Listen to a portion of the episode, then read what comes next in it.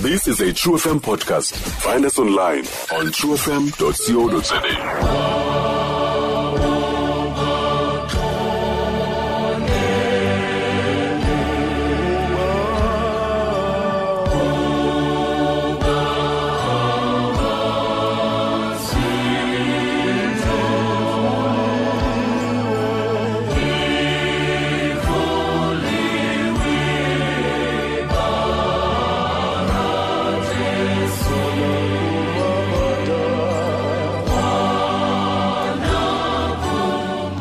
Nkosi mayibe nani inisikelele siye kuye ke umongameli umfundisi umselana. Masikwamkele mongameli wam inkosi kusikelele tata. Mandibulele mama okay over to you sir. Ndithabathe nalo mzuzu wokubulisa kuwe qala amen tata. Eh, abaphulaphuli bethu f m bephulaphule kwiindawo zonke abakuzo irhamente kathixo yonke ngelikhulu igama lomfeli nomvukeli wethu uyesu krestu inkosi yethu. Amen. Sifumana ilizwi lesine elithethwa nguyesu emnqamlezweni silifumana lona kule vangeli engcwele ngokubhalwa ngumarko isahluko seseshumi elinesihlanu sifunda nje iivesi ezimbini eyamashumi mathathu anesithathu neyamashumi mathathu anesine. Mark chapter 15 verses 33 and 34 masifunde ke nabo sebeyifumene. Isihloko phaya phezulu sithi ukubethelelwa emnqamlezweni. Ke kaloku lakuba lilixa lesithandathu kwehla ubumnyama phezu kwawo wonke umhlaba kwada kwalilixa lesithoba. Ngalo ilixa lesithoba wadanduluka uyesu ngezwi elikhulu esithi eloyi eloyi lamasabakathani oko kukuthi ngentetho evakalayo thixo wam thixo wam undishiyeleni na lilizwi lenkosi leli. Inkosi sikelela ukufundwa kwelizwi layo ukususela ngoku kude kube ngunaphakade amen. Mamukheyi nabaphulaphuli bethu f m sikilizwi lesine kula mazwi kayesu emnqamlezweni. Baphulaphuli bethu f m sikulanduli iluhlaza ingabiyelwanga apho uyesu bamlimaza wafa engontanga. Sifumana ke lelizwi lesine kule vesi yamashumi mathathu anesine.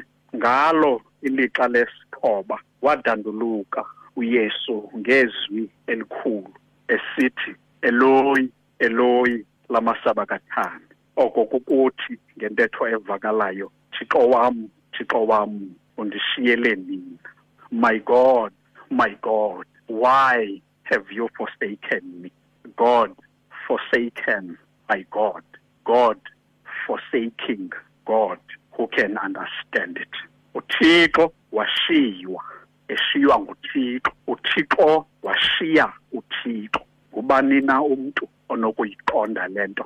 Why is one god of the trinity appealing to another god of the trinity eloyi lamasabakathani oko kukuthi ngentetho evakalayo thixo wam thixo wam undishiyele nina. My god my god why have you forsaken me? God forsaken by god. God forsaking god. Who can understand it? Uthixo washiywa eshiywa nguthixo. Uthixo washiya uthixo ngubani na umntu onokuyiqonda le nto. Why is one god of the trinity appealing to another god of the trinity. Xa sikweli lizwi lesine thixo wam thixo wam undishiyele nina. Kutheni omnye uthixo wobutrinity eaphila komnye uthixo wobutrinity why one god of the trinity feels betrayed? Wathi omnye uthixo wobutrinity waziva engatshiwe engatshwa ngomnye uthixo god forsaken by god. Kodwa ukuba eli lizwi liyila quotation yala mgca wokuqala walandumiso yamashumi amabini anesibini then iyawuthetha ukuthi loo nto noko inga-understandeka bhetele baphulaphuli bethu f m mamukheyi ndithapha uthixo washiywa uthixo nento endibangela uba nditsho nditshiso yile doctrine of trinity. Kodwa kwangaxeshanye kuthi qatha oba njengoba inguyesu njotshoyo uyesu nguthixo. Ngalamhla weshumi elinethoba i-19 kajuni ngo-325 AD kwathi xa kuphela la council of nicaea eyayihlalelwe ngusaint constantine neebishops ezazikhona zihlelele loo council. Kwathiwa emveni kwaloo council xa iphela kuchithakalwa kuyo. Kwakho into athi apha bavumelana aba bantu kule council oba uyesu unguye uthixo. Bayibeka ke ngolwimi lwasemzini esithi jesus is the very god of very god. Fumana loo nto kulaa nicene creed ethi jesus the very god of very god. Ndifika kapho ndithi god forsaken by god. Uthixo washiywa eshiywa nguthixo. Emqalekeni kwindalo incwadi egenesis xa iqala vula iphepha lokuqala lebhayibhile kwathi ehlabathini kusemnyanyeni kuselubala kwakumnyama phezu kwamanzi enzonzobila umoya kathixo wafukama phezu kwamanzi lawo. Wathi uthixo makubekho ukukhanya kwabakho ke ukukhanya. Ukususela ngoko kwabonakala ubudlelane obuluqilima betriune god. Le doctrine of trinity uthixo nguyesu ngumoya oyingcwele kuba kwathi kwawuba mnyama uthixo wathetha ngelizwi kwabakho ukukhanya. Ngeli xesha uthixo wathetha ngelizwi waba umoya kathixo ufukame phezu kwenzonzobila yamanzi. Kwadlula eso siganeko kwakho iziganeko eziliqela ezabangela ububudlelane bale triune god beluqilima. Kodwa ngoku kwiziganeko ezisandula ukudlula xa uyesu esenziwa kumila kumbi kwabonakala ilifu kwathi kusabonakala eli lifu lakukukhanya eli lifu kodwa kwakho ithinzi. Kwakho into engathi lithinzi apha engathi ngamnyama kwavakala apha elifini ilizwi likathixo. Lisithi lo ngunyana wam oyintanda endikholiweyo nguye mveni yena. Kwenzeka uqilima lwale nto endithetha ngayo apha. Kodwa zonke ezi zihlandlo ngaleni mini yanamhlanje mamukheyini abaphulaphuli bethu f m phezu komnqamlezo kwakuba mnyama iiyure ezintathu zonke ithi ibhayibhile ukuqala ngentsimbi yeshumi lesibini uyoma ngentsimbi yesithathu. Kwaphela iiawari ezintathu kumnyama kodwa ngale mini kwanqaba nelaa lizwi lalikhe lama ekuqalekeni. Lathi xa kumnyama makubekho ukukhanya. Alavela god forsaken by god. Thixo wam thixo wam undishiyele mina. Kwanqaba nelo lizwi kwanqaba nelizwi ngale mini yanamhlanje elingavela uyasejinga emnqamlezweni lisitsho njengalawo mhla wakwenziwa kumila kumbi kwakhe lithi lo ngunyana wam oyintanda endikholisiweyo nguye mveni yena. Kwanqaba elo lizwi kwanqaba elo lizwi. Mamukhe nabaphulaphuli bethu fm kwanqaba oba umoya oyingcwele kathixo ufukame phezu komnqamlezo njengalo mhla wawufukame phezu kwamanzi enzonzobila ayabikho loo nto.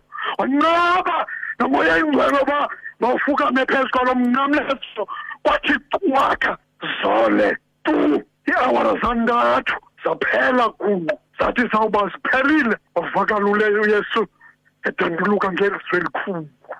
Emveni kokuphela kwezi awara wathi eloyi eloyi lamasabakathane thixo wam thixo wam undishiyele nina undishiyele nina undishiyele nina. Wavakala kusithola amazwi kulaa nduli luhlaza engabiyelwanga baphulaphuli be-twelve m.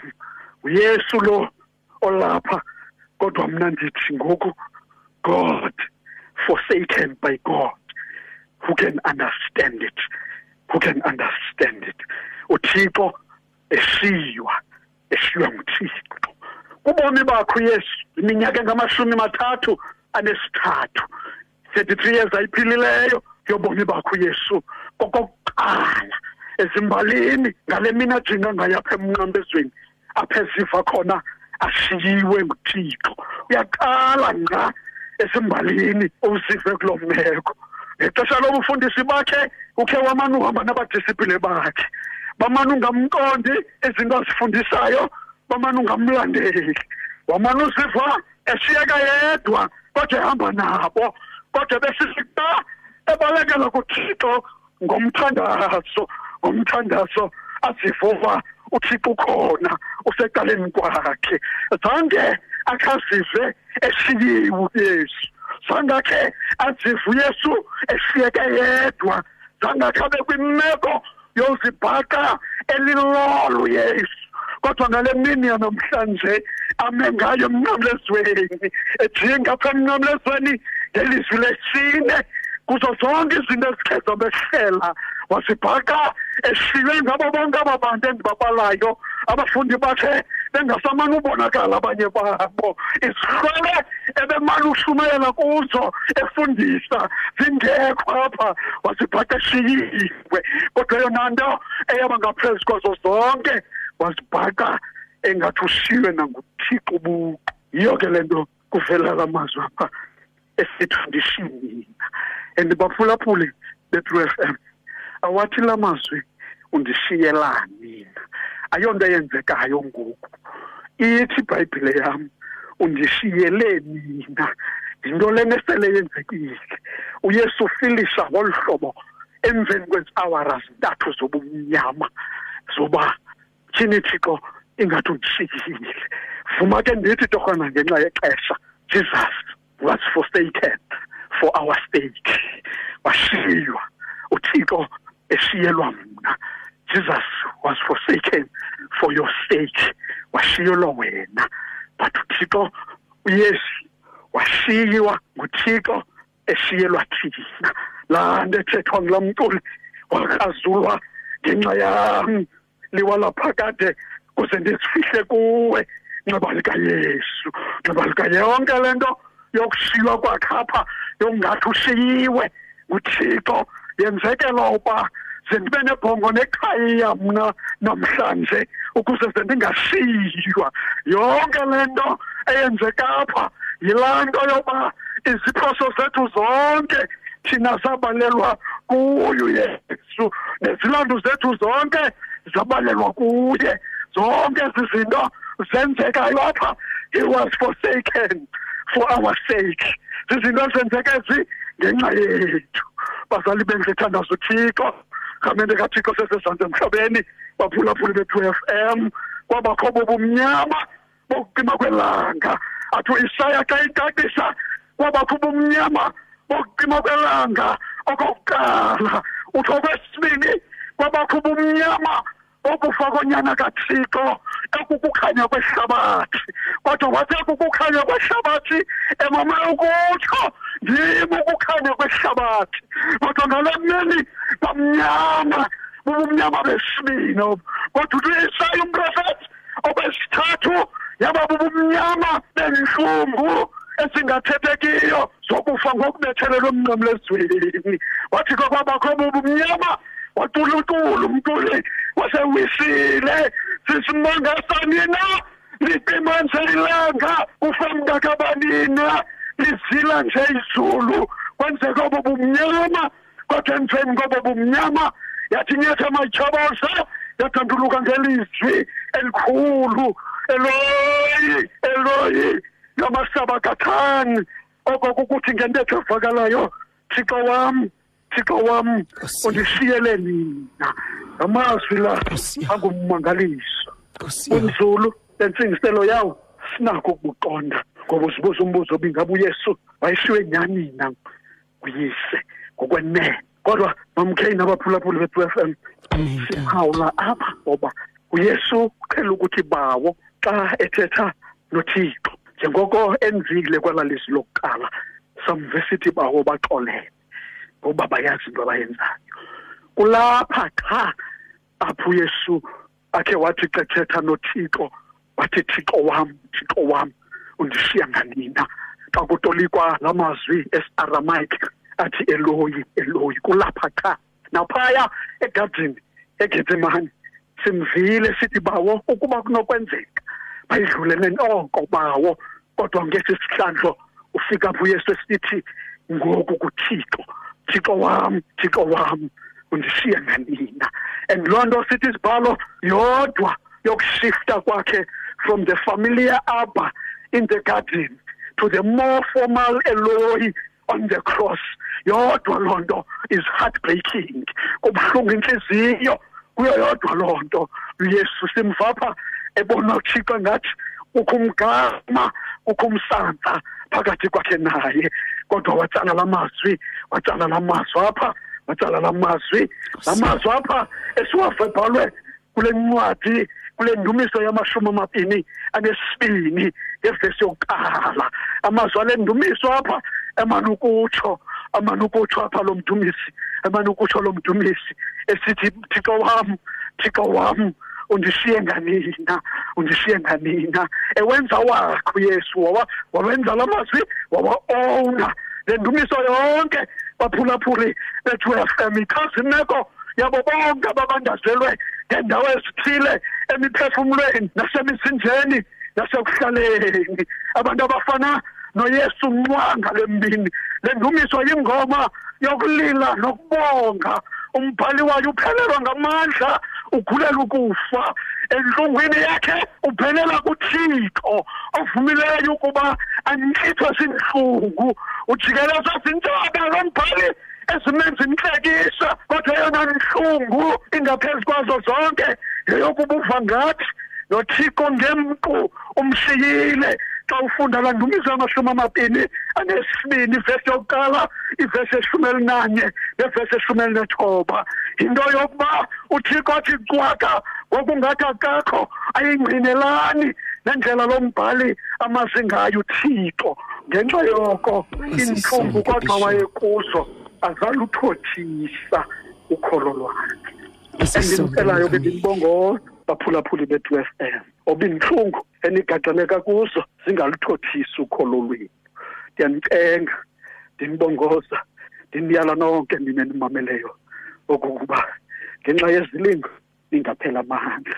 Eli lizwi lesine ke lichazimeko kayesu nokukhathazeka kwakhe. Xa esiva ngokungathi ushiyiwe nguthixo ejongene nomnqamlezo bethunzi lokufa kwasemnqamlezweni eyedwa. Yandikhumbuza laa nto yomprofethi uisaya awamane uyithetha? Esithi sifacangelo ndisixovule ndedwa ezizweni.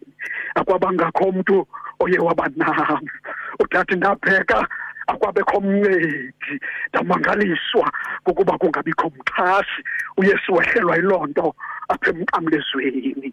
Ngale mbini kodwa loo nto xa ndisiya ekugqibeni mamukheli nabaphulaphuli yinto yokuba yehlele uyesu lo ento awathi xa ezalwa owathi xa ezalwa kodwa zenimthiye igama zenimthiye igama lokuba ngu-emanuweli elo gama lithi emanuweli iligama elithetha ukuthi uthixo unathi elo gama lithi emanuweli eligama elithetha ukuthi uthixo unathi kodwa ngale mini ngoba uthixo nathi nje wakhangeleke ngathi okwamzuzwana akakho kuye. Yile nto ke ndibawela ukugqibela ngayo. Baphulaphula bethu f m okokuba ngabana noxa engakhangeleka nje ekude engathi akakho uthixo kodwa ndivumeleni ndithi hayi akakho abe kude uthixo akakho angabikho uthixo. Uyesu xa ndulula abafundi bakhe naye ukhe wathi kubo hambani niyokusenza abafundi zonke intlanga zenithi nibafumene nibabhaptize egameni loyise nelonyana nelomoya ingcwele. Wavala laa chapter wavala laa chapter. Kulaa vangele engcwele kamateyu ngokuthi yabonani ndinani yonke imihla. Ngoku uthixo naye ibikokomzuzwana le nto ibimbangela oba cinge fana uba akakho. Ezi zinto ezimane usehlela okwamzuzwana side sibe ngefana uba unoba uthixo akakho kanti uthixo ukhona ezindaweni zonke ukhona ngamaxesha onke kwiimeko zonke unathi uthixo. Unathi uthixo sivuya unathi uthixo silila. Mamukhe unathi uthixo ezinye kwezinye ezingamathonsi esizililayo unathi uthixo ebutsheni bethu unathi nasekwaluphaleni kwethu. Nathi ebutheni bobomi bethu unathi ekufeni kwethu. Naxa kungathi nje uyesu angabe ushiywe nguyise emqamlezweni. Naye wabe wabona ukuba uthixo kunye naye. Ukunjalo ngokunjalo ke nakuthi uthixo ukufutshane nathi ngamaxesha onke. Ebulela, Mongameli. ba singade singaliboni langa xa lisibeke kodwa siyazi ukuba likhona ngaphaya kwamafu uthixo wazi zonke izinto uthixo kuzo zonke indawo. Yilaa nto sithi xa sibuza laa mbuzo okulamdumisi nam bengathi ndiwubuza ngalo mzuzu ndingahambela phi na ukumke emoyeni wakho? Ndingabalekela phi na ukumke ebusweni bakho? Ukuba ndithe ndenyuka ndaye emazulwini ulapho wena. Ukuba ndithe ndazandlelela kwelabafileyo nanko ukho. Ukuba ndithe ndaphakamisa amaphiko esifingo ndaya ndahlala ekupheleni kolwandle besingandikhaphayo nakwalapho isandla sakho. Sindibambe isandla sakho sokunene ngoba uthixo okhoyo amaxesha onke.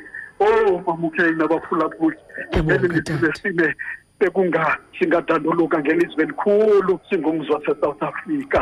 Kule ntsholongwane esijongene nayo yale corona sithi thixo wam thixo wam undishiyele ndina sincede thixo nakule mimeko ungasishiyi nomzuzwana litsho ke lizwi mamkeli Amen, Tata, xa lisithi siyabonga. eloyi Nkosi, Dade. eloyi lamasabakathana Amen. thixo wam thixo wam shiyile ndina Ebulela, Mongameli. Stream True FM online on truefm.co.za. sikho yonke indawo ngalo lonke ixesha like no one else